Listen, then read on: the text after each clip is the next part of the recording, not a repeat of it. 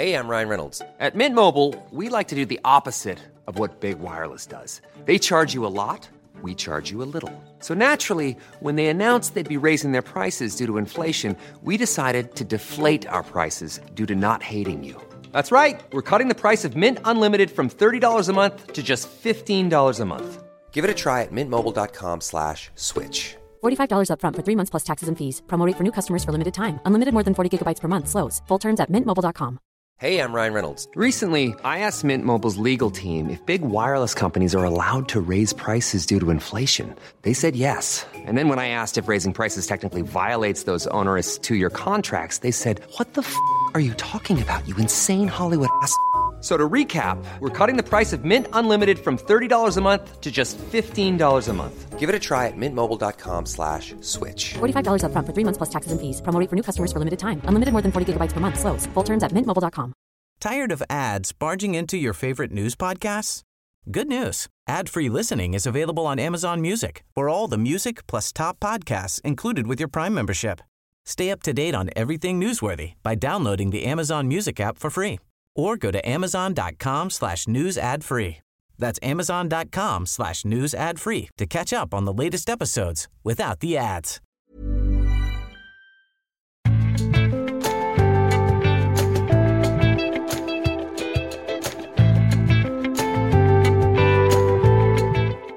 Presteskandale i Møre og statlig religionskontroll.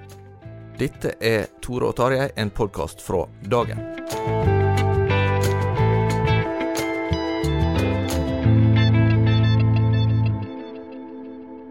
Ja, her i studio sitter eh, Tore Hjalmar Sævik og meg sjøl, Tarjei Gilje. Og eh, jeg syns det er gøy å spørre deg, Tore Hjalmar, har du lært noe på skole i det siste?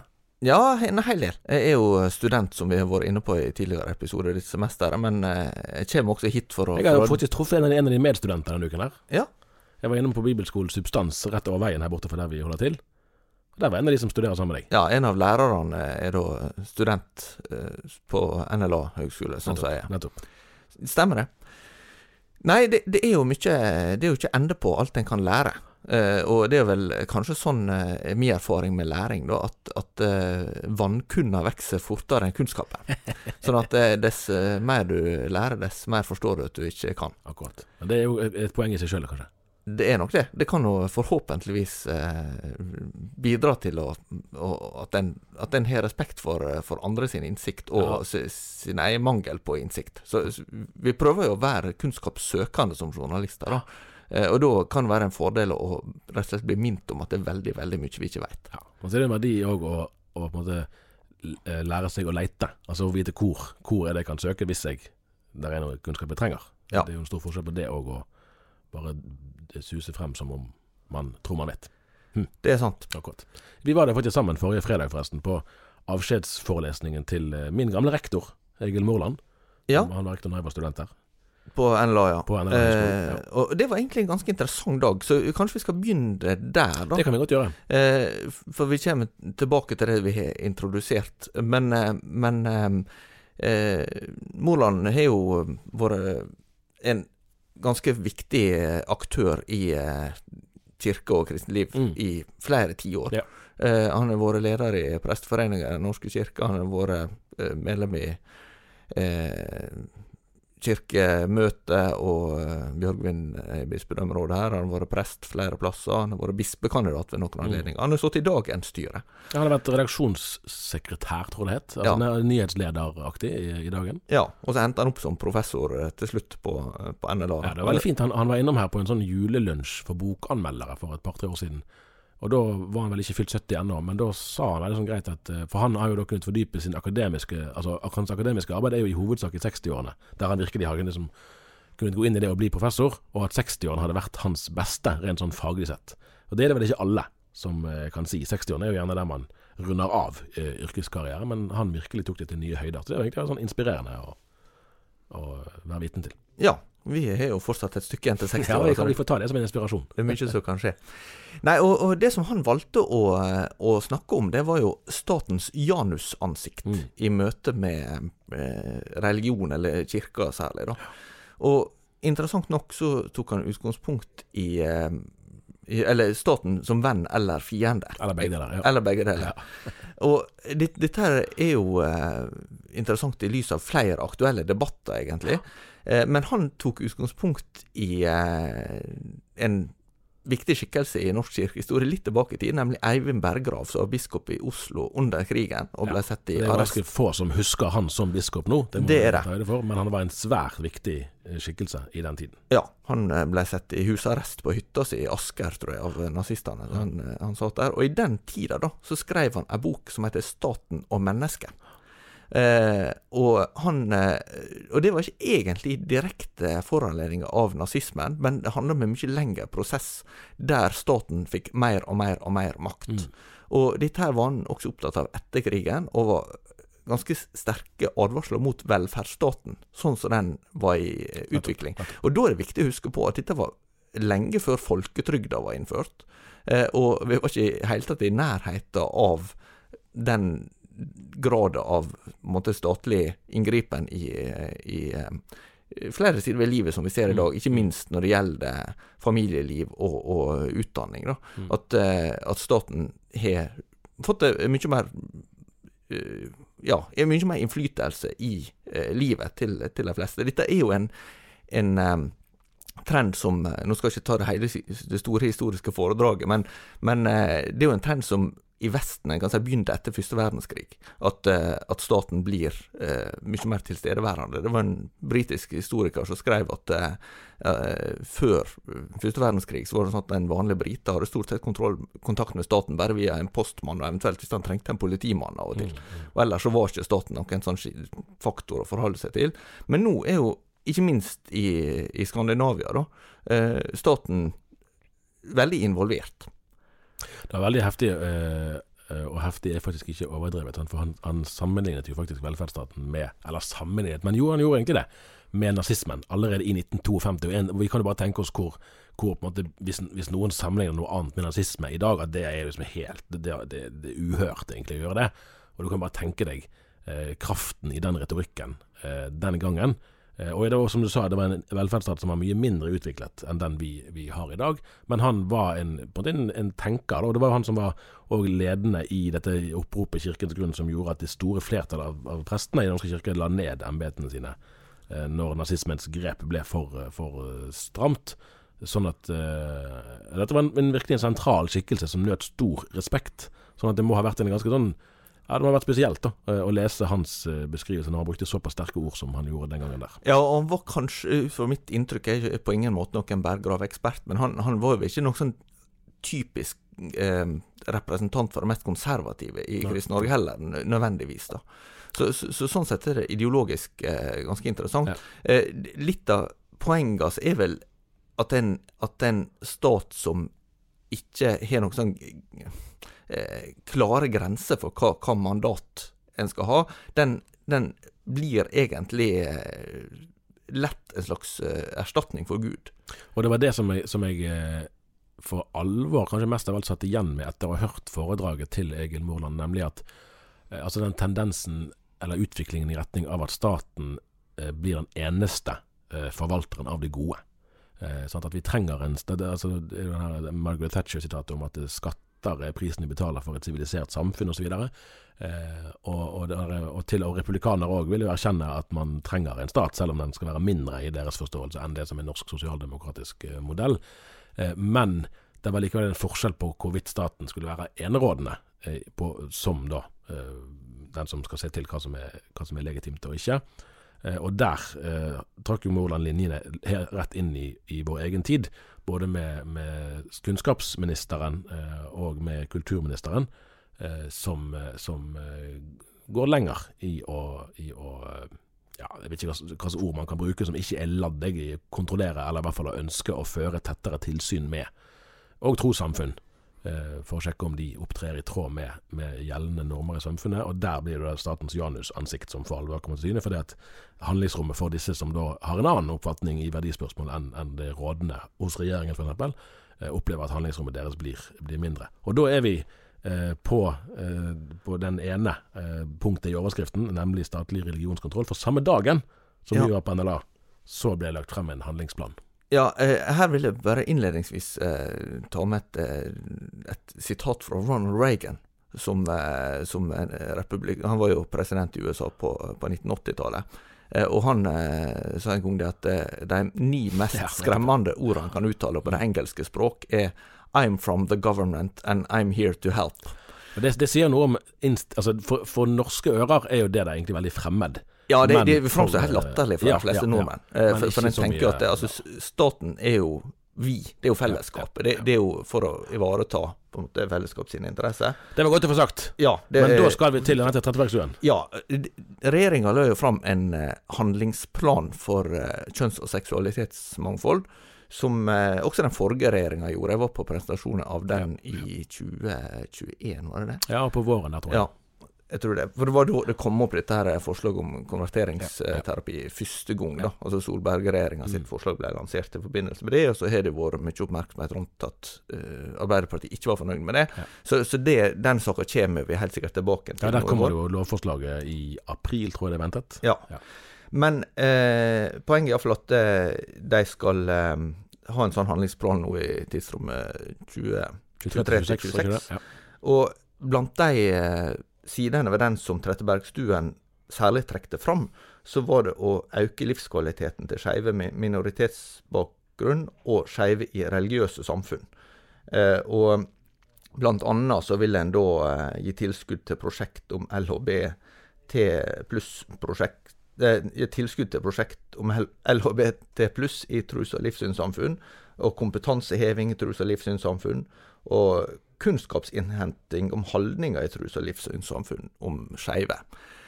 Og så er vi jo tilbake igjen til at jeg, jeg tror eh, fra regjeringas synspunkt så handler dette om å ivareta menneskerettigheter. Mm. Altså Dette handler om at det er sårbare mennesker Mm. som er i miljøet der en eh, opplever at det ikke er aksept for, for helt grunnleggende knytt identitet og, og ja, hvem en er og hvordan en vil leve.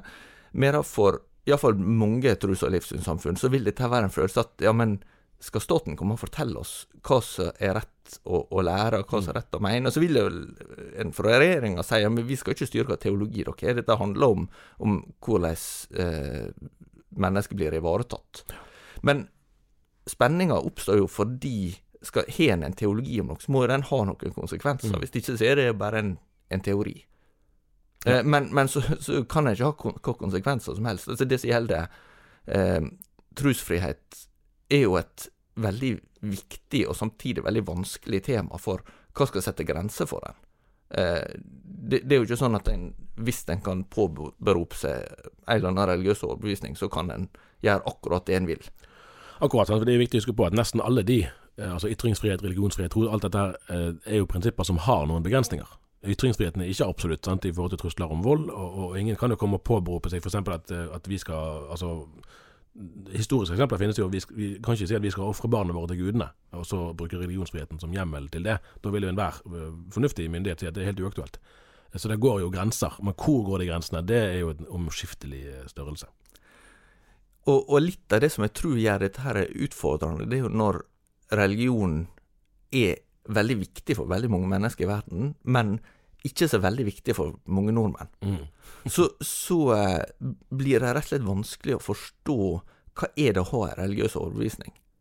Og, og hva er forskjellen på, på det å være med i sekt og det å være med i et eh, etablert trossamfunn Ja, med, med lange eh, historiske røtter som er, og, og en utvikla teologi og, og måtte, ei, ei organisk overbevisning som, som en liksom ikke bare kan endre på fordi myndighetene sagt at det, sånn kan ikke du mene i 2023. Jeg lurer på om, om dette er et godt eksempel på at, eh, at det virkelig er behov nå for at flere, med den eh, enkle merkelappen eh, konservative kristne, da, faktisk tar del i det offentlige ordskiftet. Fordi at når du leser Du har lest litt mer i den handlingsplanen enn jeg har. Men når du hører hva som blir sagt, så, så er det en sånn to Det er for så vidt et Janus ansikt her òg. I den forstand at på noen områder så vil nok mange kristne mennesker oppleve at dette, dette går helt imot det vi faktisk står for. Vår overbevisning, våre verdier. Og som ikke er bare verdier vi har funnet på sjøl, men som er, har vært der i århundrer, og som er nedfelt i Bibelen. Eh, samtidig som det er andre altså eksempel står det jo i, i pressemeldingen fra departementet, så viser Trettebergstuen, kulturministeren, til at, at homo ennå brukes som skjellsord. Eh, og det, det, tror jeg Altså, jeg har, ikke, jeg har ikke møtt noen kristenleder som vil forsvare det. Og ærlig talt opplever jeg det, at det, det, kan, det, det skjer sikkert òg i kristne miljøer, men jeg kan ikke huske at jeg har hørt det i det hele tatt. Uh, I hvert fall må det være altså kanskje, når, når, du og meg var barn, så, så, kunne det nok skje. Og Da var jo bevisstheten i hele samfunnet en helt annen enn den er i dag. I nyere tid jeg, ikke, tror ikke jeg kan komme på noen eksempler på at jeg, at jeg har hørt det som på et kristent møte, da, I, eller i en kirkekaffesetting eller et eller annet eh, ungdomsmøte, hva som helst. Det, det skjer ikke. Eh, med, og, og, hvis det skjer, så blir det slått ganske tydelig ned på, eh, er mitt inntrykk. Eh, og Dermed er det en sånn tosidighet. at på noen, noen, ting av det kulturministeren tar opp, så vil prester og pastorer si helt enig. Mens på andre områder så vil de si f.eks. at hvis det ikke går an å forkynne det man ser på som et kristent syn på ekteskapet, hvis det ikke går an å snakke om det, eller òg hvis ikke man kan si at vi rekrutterer ledere som, er, som oppfører seg og, og, tror på det som vi tror på, for det er jo det som er poenget med denne bevegelsen, så, så blir den statlige religionskontrollen altfor inngripende. Det er jo ei avveining her mellom trygghet og frihet. Så kan en diskutere trygghet for hvem og frihet for, for hvem. ikke sant? Men, men eh, det var vel en av de amerikanske grunnlovsfedrene som heter Benjamin Franklin, som sa at den som er villig til å ofre litt av si frihet for å bevare noe av sin trygghet, han har ikke fortjent verken frihet eller trygghet. Og noe av dilemmaet her vi står overfor, det er jo at vi kan i et samfunn eh, overvåket hvert, eller mye nå er det teknisk mulig også. Det, det går an å ha eh, kamera de aller fleste plasser der mennesker beveger seg. Det går an å si at biler i Norge kan ikke kjøre enn 110 km i timen. Vi, vi, vi, setter grenser for det, at vi, vi blokkerer det når de kommer inn i landet. Fortere går ikke an å. Nei, kjøre. Eller, eller en kan si vi, det er så mye problem knyttet til rusmiddel. Vi, vi innfører et totalforbud mot rusmiddel, for, for det, det, det, skaper så mye. Men, men, et sånt samfunn ønsker ikke de fleste å leve i. Altså, det er Skal staten ha et slags ansvar for å eliminere all risiko, da, så, så er jo enden på det, at, at eh, du, du, reduserer og til slutt fjerner frihet, egentlig. Og Der er jo, er jo på en måte spennet mellom jeg vil berømme selv om akkurat sammenligningen med, med nazismen får jo Eivind Berggrav stå for selv, det, det har i hvert fall ikke jeg noe sånn veldig gjennomtenkt eh, Altså gått inn i selve analysen hans der. Men, men, selve den evnen til og interessen for å se lange linjer og klare å forstå at hvis jeg går i den retningen i dag, så vil det da føre meg et annet sted eh, frem i tid.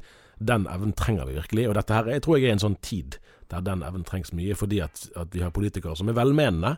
Eh, og som nok har gode hensikter. Og i en del tilfeller eh, vil man kunne si at vi er helt med på både problembeskrivelsen og til dels òg løsningsforslagene. Men så er det jo som i virkelighetens verden at nesten alle prinsipper, eh, når de kommer til anvendelse, så, så kan man ikke rendyrke de helt. Der er unntak, og der er nyanser, som vi har snakket om med religionsfrihet og ytringsfrihet. Og da må man finne praktiske løsninger som både ivaretar eh, prinsippene, og som fungerer. Eh, og det der, der er nok en som sagt, altså en del kristne stemmer som, som mangler, da, og dermed kan forestillingen om hvordan det er i disse kristne trossamfunnene, den kan få utvikle seg uten at de egentlig sjøl bidrar så mye til å nyansere. Og det, det, er vel også ei erfaring som jeg har forstått på flere nordmenn som har bodd ei stund i utlandet, og for så vidt eh, mennesker som flytter til Norge fra andre land, at, at en av de tingene som, som en ser ved Norge, men kanskje ikke ser fra innsida, det er at eh, landet er preget av mye mer konsensus mm. enn det vi tenker over. Vi, vi har jo vært et svært enhet, enhetlig samfunn som en luthersk konfesjonsstat ja. eh, i flere hundre år. Og så har jo det endra seg veldig i løpet av egentlig ja, 1900-tallet, men, men, særlig de siste tre-fire tiåra. Og da eh, er det lett at en går fra én type konsensus til en annen. ja, eh, uten å egentlig tenke over Men, men hva, hva prinsipielle friheter er umistelige for ja, å, å, bevare et, eh, et fritt, fritt, samfunn? Ja. Og, og, det er ikke bare knyttet liksom, Vi lever tross alt i 2023. Det, det er knytta til, det, er, det, ganske, det, er ikke, det er ikke så lenge før vi ikke lenger gjør det heller. Nei. Det sånn. eh, nei, og, og, det var òg en sånn ting som jeg satt og tenkte på når jeg hørte, hørte foredraget til Egil Morland der, at eh, hans generasjon kristenledere, de som nå er rundt 70 år, der er det mange som har hatt mye kampvilje, og som virkelig har, har, har stått i mange kamper gjennom årene, og som nok har tapt mange av de kampene. Eh, nå ser det ut for at mye av den kampviljen, i hvert fall på lederhold, er, er mye mindre. Man er mer opptatt av å, å, holde på med sine ting i fred i kirkene. Og prøve å utvikle noe nedenfra. Uh, og det er nok en, en enda vanskeligere situasjon, tror jeg, å kjempe i, fordi at spennet mellom det man sjøl står for, og det som da er dominerende i, i både politikk og i samfunnet for øvrig, er blitt større. Eh, og sånn som her, da, eh, at, at, man må nok erkjenne, og vil nok gjerne erkjenne òg, at en del av, av, eh, det som blir kritisert, har man tradisjonelt del i. Altså at kritikken er fortjent. Eh, mens det på andre områder i det samme saksfeltet så må man si at nei, men vi tror at ekteskapet er for mann og kvinne. Det er alvorlig ment. Det er ikke noe vi har funnet på sjøl. Det står i Bibelen. Eh, og, da, og, da, må man finne en vei da, eh, videre. Så det krever både det krever kampvilje, men det krever òg kløkt og varme, empati, ikke minst. Eh, og, og, hvis måte konservativ blir eh, assosiert med å være kald, eh, så er ikke det noe spesielt godt fremtids... Eh, altså Det gir ikke noen gode fremtidsutsikter for bevegelsen, det. Apropos eh, kampvilje, så fører det oss naturlig videre til neste tema. Til Møre bispedømme. Det stemmer. Og der har det igjen vært egentlig en ganske overraskende vending ja. i eh, saka knytt til Benjamin Bjørnsen Anda, som er sokneprest i Vigra og Giske. Vel, altså det er en liten øykommune rett ut forbi. Ja, Du har jo faktisk møtt han i kirken der. Det stemmer. Jeg intervjuet han for eh, dagen der i nå, vel et år siden. Ja, og nå er han vel 29, tror jeg. Ja. ja. Så han er en unge prest. Men han står da for uh, kirka sitt uh, må si, tradisjonelle syn når det gjelder at uh, presteembetet er forbeholdt menn. Ja, altså, og i tillegg til det, for det er det jo flere som gjør, i tillegg til det har han, så vidt jeg forstår, òg et såpass høyt embetssyn, hvis man kan si det såpass teknisk som det, at han for en del som er kvinneprestmotstandere, vil nok si at jeg har det standpunktet, men det er greit det at hvis jeg har en kvinnelig kollega, så skal jeg kunne samarbeide med henne likevel mens han opplever at hans overbevisning er sånn at han kan da ikke ha f.eks. ha nattverdfellesskap med en kvinnelig kollega. Ja, så det, det er vel snakk om å, å forrette nattverd i, i, i fellesskap. Ja, men, men, men, det, så, så det er jo viktig, da, ja, men, men, det er jo viktig å, å si at det er ikke da ei, eh, en reservasjon som knytter samarbeid generelt. Neida, da, altså, det var derfor jeg sa det med liturgisk ja. fellesskap. At det er på en måte i embetsutøvelsen. Og NRK gjorde en rundspørring i 2021 blant alle bispedømmene, og kom frem til, ifølge den, da, at det er kanskje i størrelsesorden fem eh, prester i Norske kirke i landet ja. som har dette eh, standpunktet. Og Da er det jo også viktig å ha som, som forutsetning her at dette var noen kjøreregler som Presteforeninga utarbeida sent på, på 1970-tallet. Det var vel før du med var født. Ja, for, for, da var jo dette ganske vanlig, ja. Eh, å, å, ha en sånn reservasjon. Sånn at den eh, Norge fikk sin første kvinnelige prest i 1961. Ja. Sånn at det begynner å bli en stund siden nå er over halve, eller ca. halve bispekollegiet. Ja, flertallet nå. Ja. Sånn at Og det, det er jo 30 år siden. Det er verdt å merke seg bare så inn at, at nå fikk jo Bjørgvin sin første kvinnelige biskop. Det var jo ikke noe kontroversielt i det. Det var tre kvinnelige kandidater, og det var helt rent. Jeg har ikke sett noen som har protestert mot det. Sånn at selve den saken Eh, har jo fått en helt annen og mye Altså Ikke bare at den har fått mindre, mindre betydning for mange, men, men, her er det mange som har forandret, og, og mange i bedehuslandet ja. og i frikirkeligheten, som har endret syn på saken. Så det, det står ved lag. Så her er jo en liten, liten minoritet i Den norske kirke da, som står igjen med det synet som Benjamin har. Men, men det er bare 30 eh, år siden i år at uh, Norge, altså Den norske kirke fikk sin første kvinnelige pre, eh, biskop, biskop ja. i Rosmarie så, så, sånn sett er jo ting er jo snutt veldig fort sett, i et kirkehistorisk perspektiv. Er det det. Men så var poenget at i januar så ble det kjent via NRK at, at eh, Giske da, nei, at Anda da uh, var i en slags sluttforhandlinger, kunne det virke som. Vi vet jo ikke helt hva som sto i, i disse brevene, for de var jo ikke offentlige. Med sin arbeidsgiver, ja. Og at der var det snakk om kanskje en eller annen form for økonomisk sluttoppgjør. Og Man kan jo si at han, han har brukt tid og penger på å utdanne seg til jobb i en kirke, der han nå opplever at rammebetingelsene for å gjøre den jobben blir endret, og at han kanskje ikke hadde tatt den utdannelsen hvis han hadde visst det på forhånd. Eh, og dette brevet var blitt lekket. Eh, og det var det som var saken, at, det kom frem eh, hvor lekkasjen kom fra.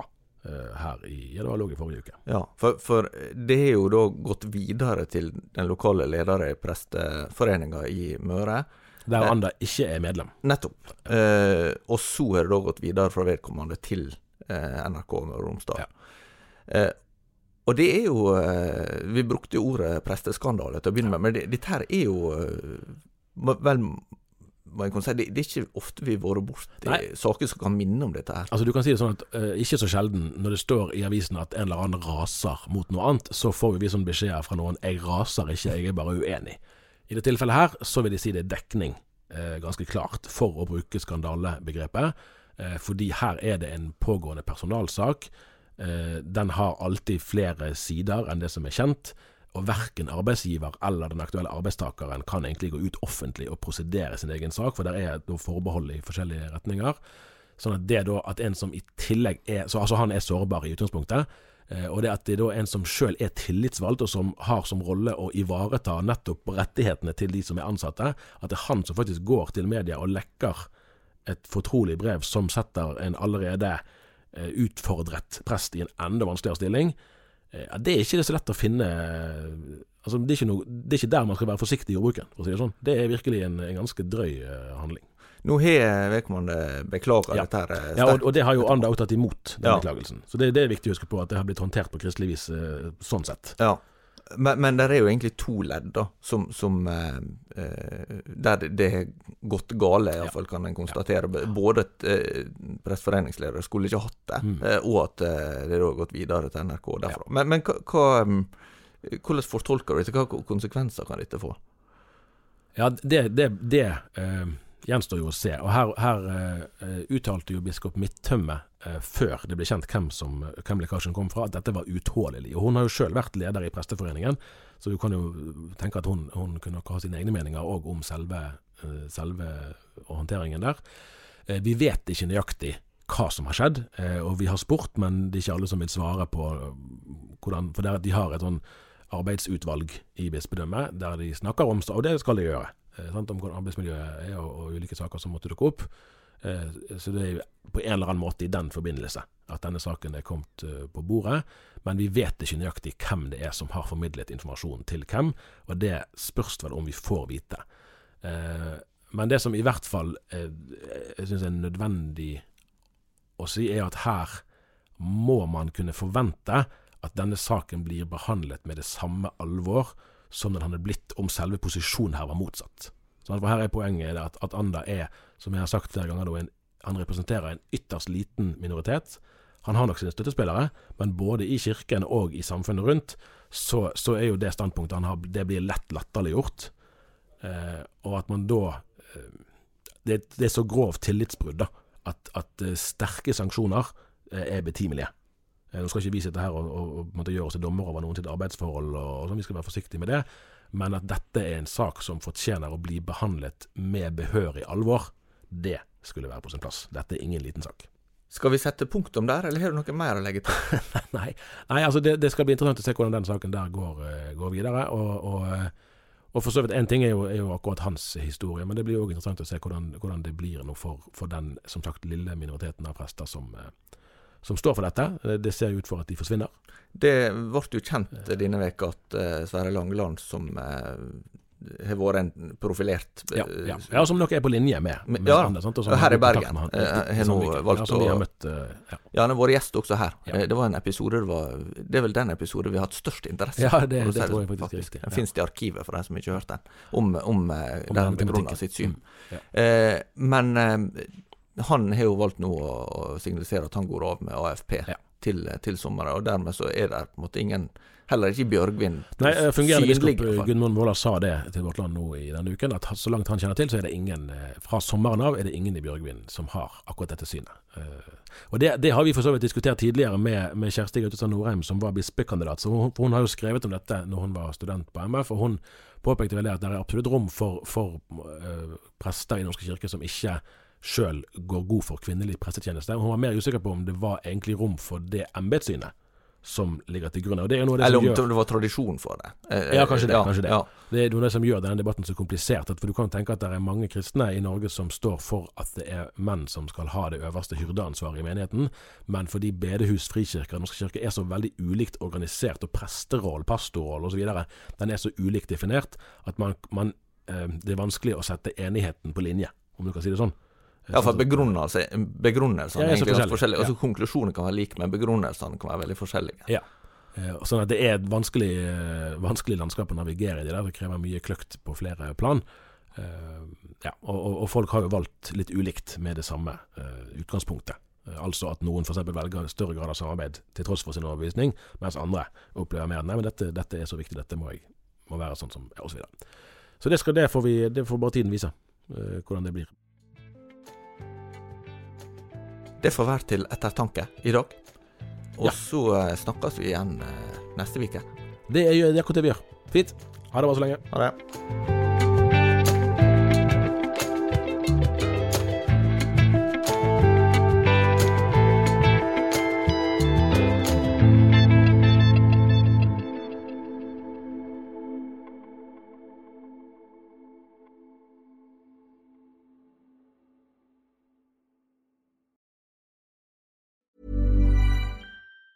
Tired of ads barging into your favorite news podcasts?